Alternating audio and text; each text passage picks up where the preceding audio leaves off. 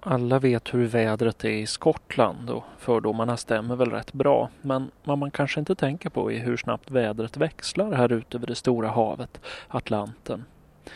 Det hinns med en hel del sol också mellan skurarna. Ständig växling är det och regnet varar ofta bara i ett par minuter.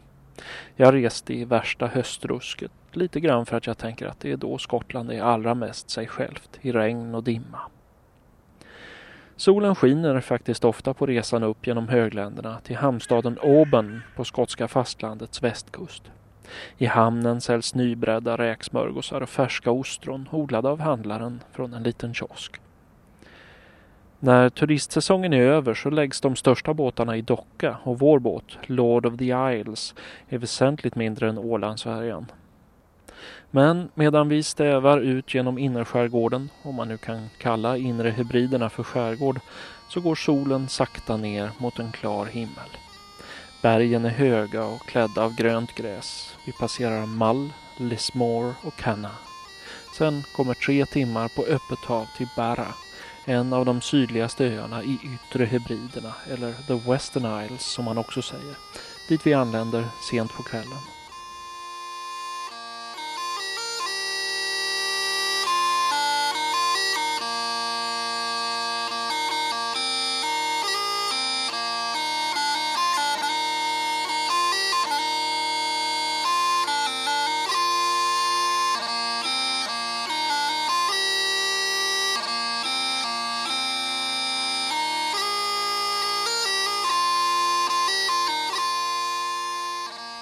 På morgonen ser vi ut från hotellet över den lilla staden Castle Bay med klanen Macneills grå borg från medeltiden på en klippa i bukten. Längre söderut ser man Watersay, den sydligaste bebodda ön, och så Mingulay som den sista boende lämnade åt sjöfåglarna redan på 30-talet. Vattnet är kristallklart flera meter och turkost som Medelhavet när man kommer ner till de långa vita sandstränderna. Tyvärr är det så kallt att det gör ont att doppa handen.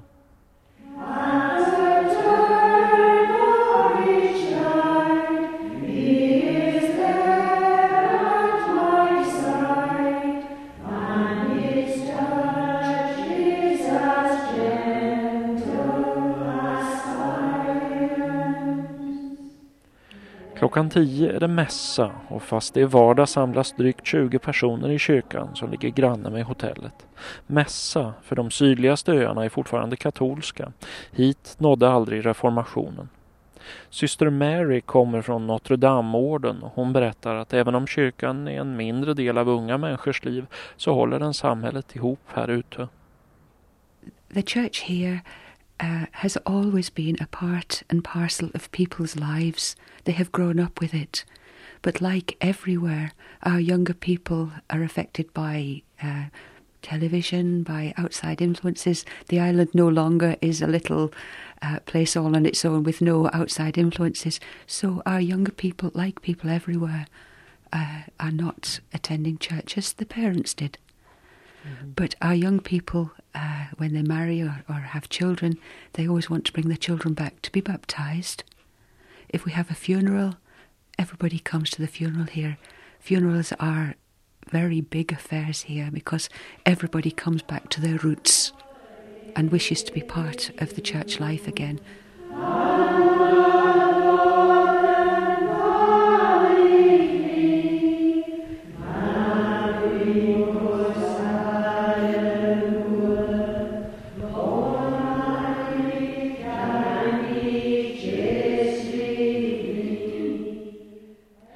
Många av psalmerna sjungs på gäliska, det keltiska språk som fortfarande talas av många i övärlden.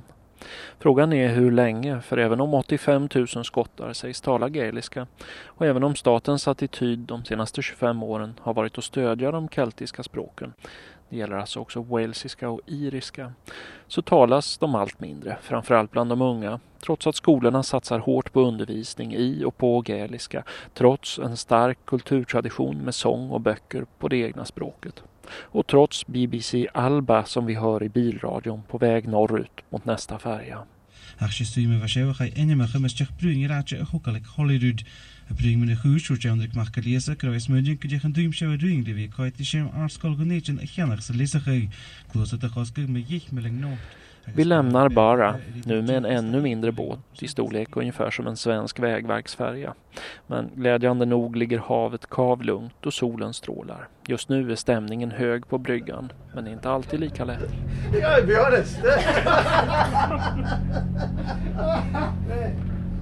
Yeah, be honest. you can have big seas running, big swell running in here. Uh, it doesn't have to be that windy for the swell to build up, you know. So it can be quite nasty here sometimes. But just how strong storms do you get? Well, I mean, you get force 10, 11 at times here. But when it's combined with the swell, it's bad. You know, it might. You might have problems then getting across. And the passengers, would it, would it be majority be tourists or, or the islanders themselves? In the winter, it's mainly um, the islanders and, and people coming to to do to do work on the islands, you know, service engineers and things like that. But um, in the summer, obviously tourists. But there's a lot of people coming coming home. A lot of people who have brought up in Barra and moved away, and then they come back in the summer to see their relatives and their parents. And I hundra år har det funnits färger mellan öarna för att frakta gods, öbor, turister och de som kommer hem till släkten, berättar kapten Roddy McLeod. Och mesta delen av tiden lyckas de ta sig fram, trots stormar på upp till 11 Beaufort. Vi ska till South Uist, men först kör vi över lilla Eriskay och äter lunch på den nybyggda puben Unpolitician som fått namn efter SS Politician, lastfartyget som förliste i sundet 1941 med en last som till stor del bestod av massor av whisky. Compton Mackenzie från Bara skrev succéromanen Whisky Galore som blev filmen Massor av whisky. Och i verkligheten var det inte bara så att öbornas whiskyförråd fylldes. Många drabbades också av fängelsestraff för vrakplundring. Och än idag kan man se vraket sticka upp ur sundet Veheb.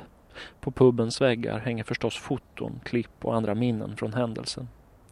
Vi sitter i höstsolen med en pint och äter britternas eviga fish and chips. Fräscht och gott tillagat. Fast det är nog inte så säkert att fisken har dragits upp lokalt.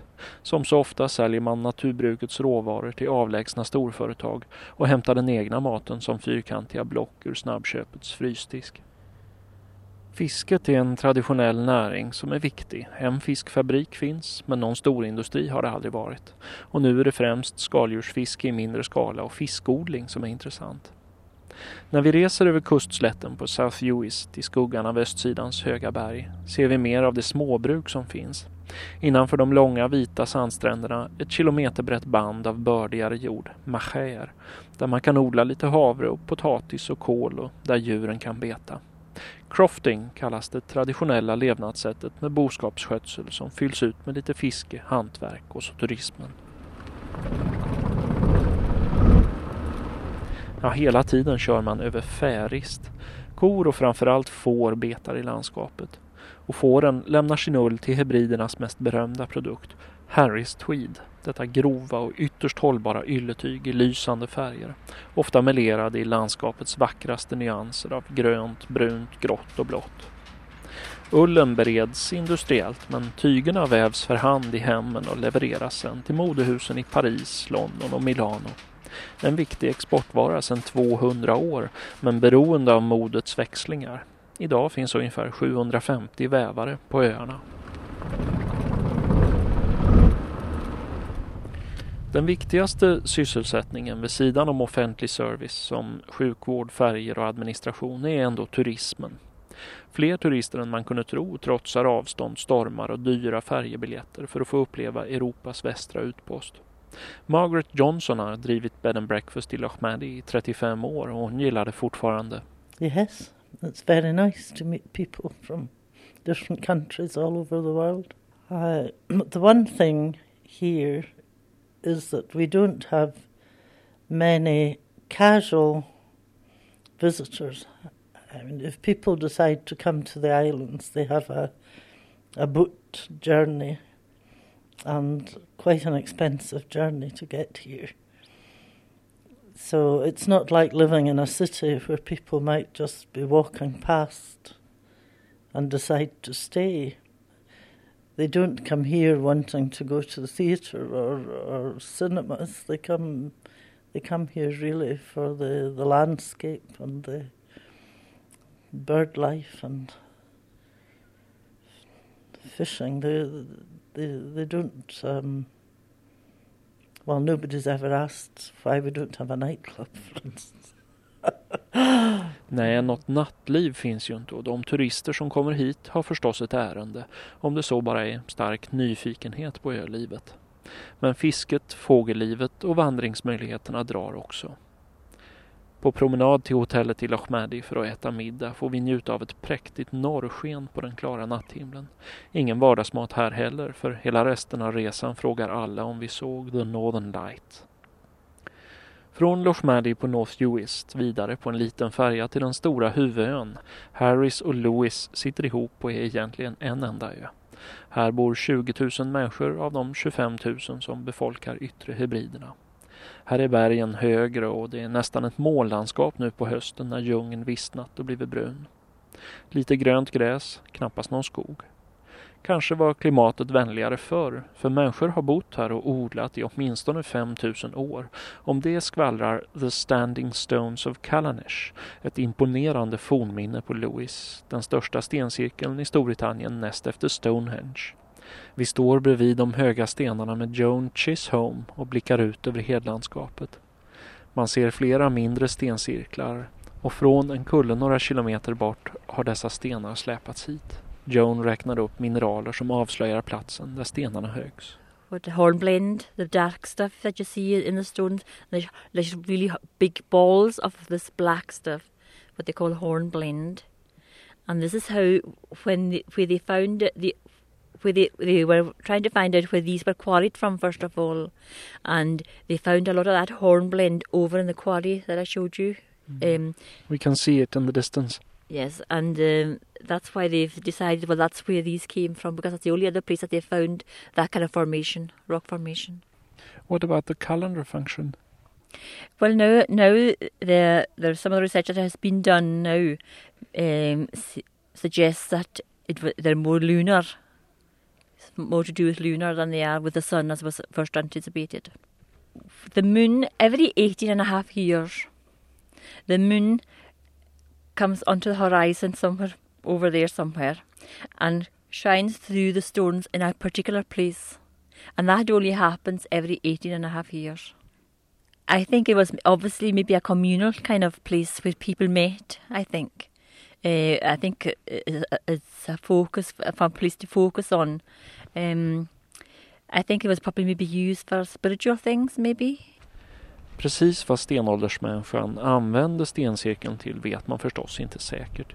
Joan Chisholm berättar att man nu lutar åt att det är en slags månkalender, men vilken plats i religionen det här haft, det vet man mindre om. Idag spelar i alla fall kyrkorna fortfarande en stor roll i samhällslivet här ute på öarna. När vi lämnade South Uist och Ben Becula lämnade vi också katolicismen och körde in i de reformerta kyrkornas zon. Gudstjänstlivet på Harris och Lewis domineras nämligen helt av stränga kyrkor som Free Church of Scotland, Free Presbyterian Church och nyligen även Free Church Continuing, en grupp som håller fast vid äldre ideal som man så ofta ser i de trakter där det varit allra tuffast att leva. Söndagen helgas ännu som vilodag här och inga pubbar är heller öppna då. Kyrkorna är svåra att skilja från vanliga hus. Inga utsmyckningar, inga klockor och heller ingen musik. Utom sång så det är kanske inte så konstigt att just den gaeliska sångskatten är den musik som blomstrat mest här ute. Jag träffade Noel Eady som tillsammans med sin son driver ett skivbolag. Han berättar att förutom alla salmer på gaeliska är det mycket arbetssånger att ro till och för att väva. Och många av dem har inga texter utan trallas fram med nonsensrim. Det kallas Perstabell. På sommaren håller alla öar mods. Det är tävlingar för olika instrument och givetvis för sång på gaeliska men också för dikt eller drama. Störst är The National Mod, en årlig tävling som ofta går i Glasgow eller Edinburgh där också många med rötter på öarna bor, artister och andra som talar gaeliska. Men ännu viktigare nu, säger Noel Eady, är nog feish-rörelsen.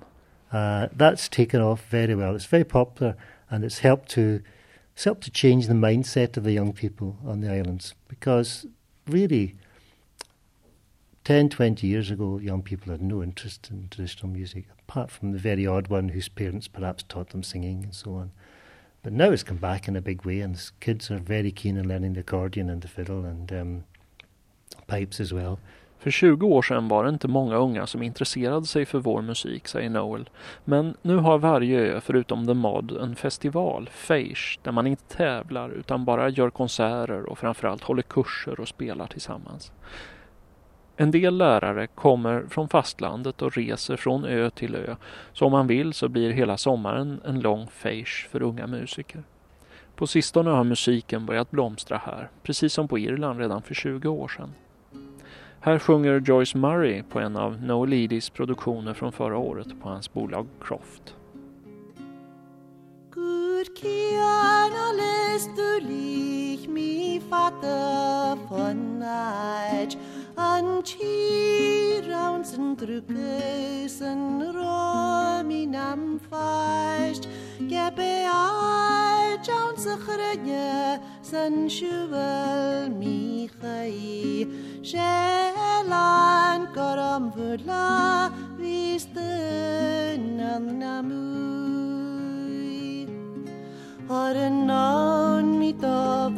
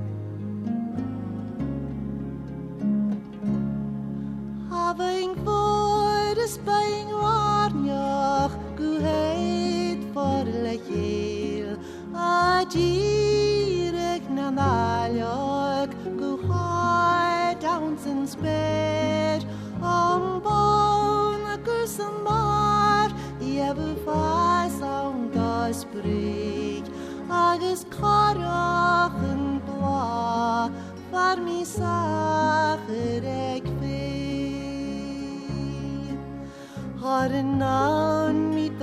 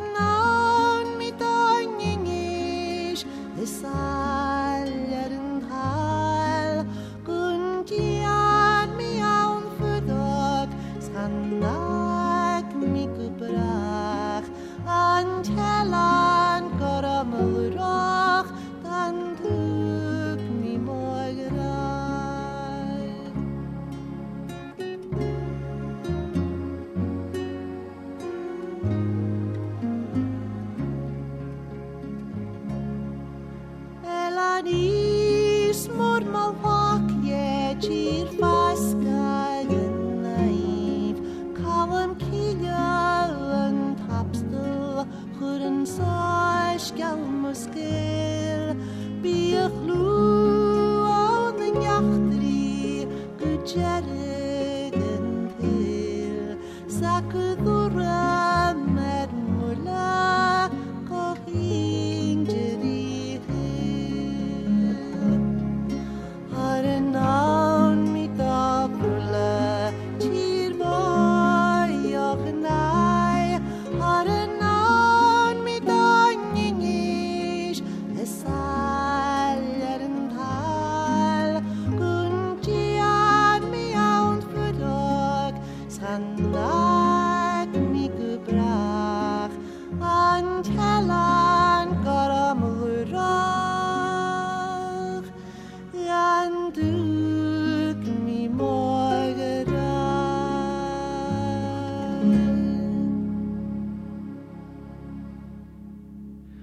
På färjan tillbaka från Stornoway till den vackra staden Ullapool på fastlandet kommer stormen.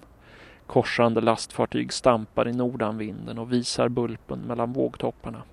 Rutinerade barn på klassresa går runt på färjan med spypåse i hand och äter glass medan de berättar för alla hur många gånger de har kräkts. Jag har tack och lov tagit mina piller.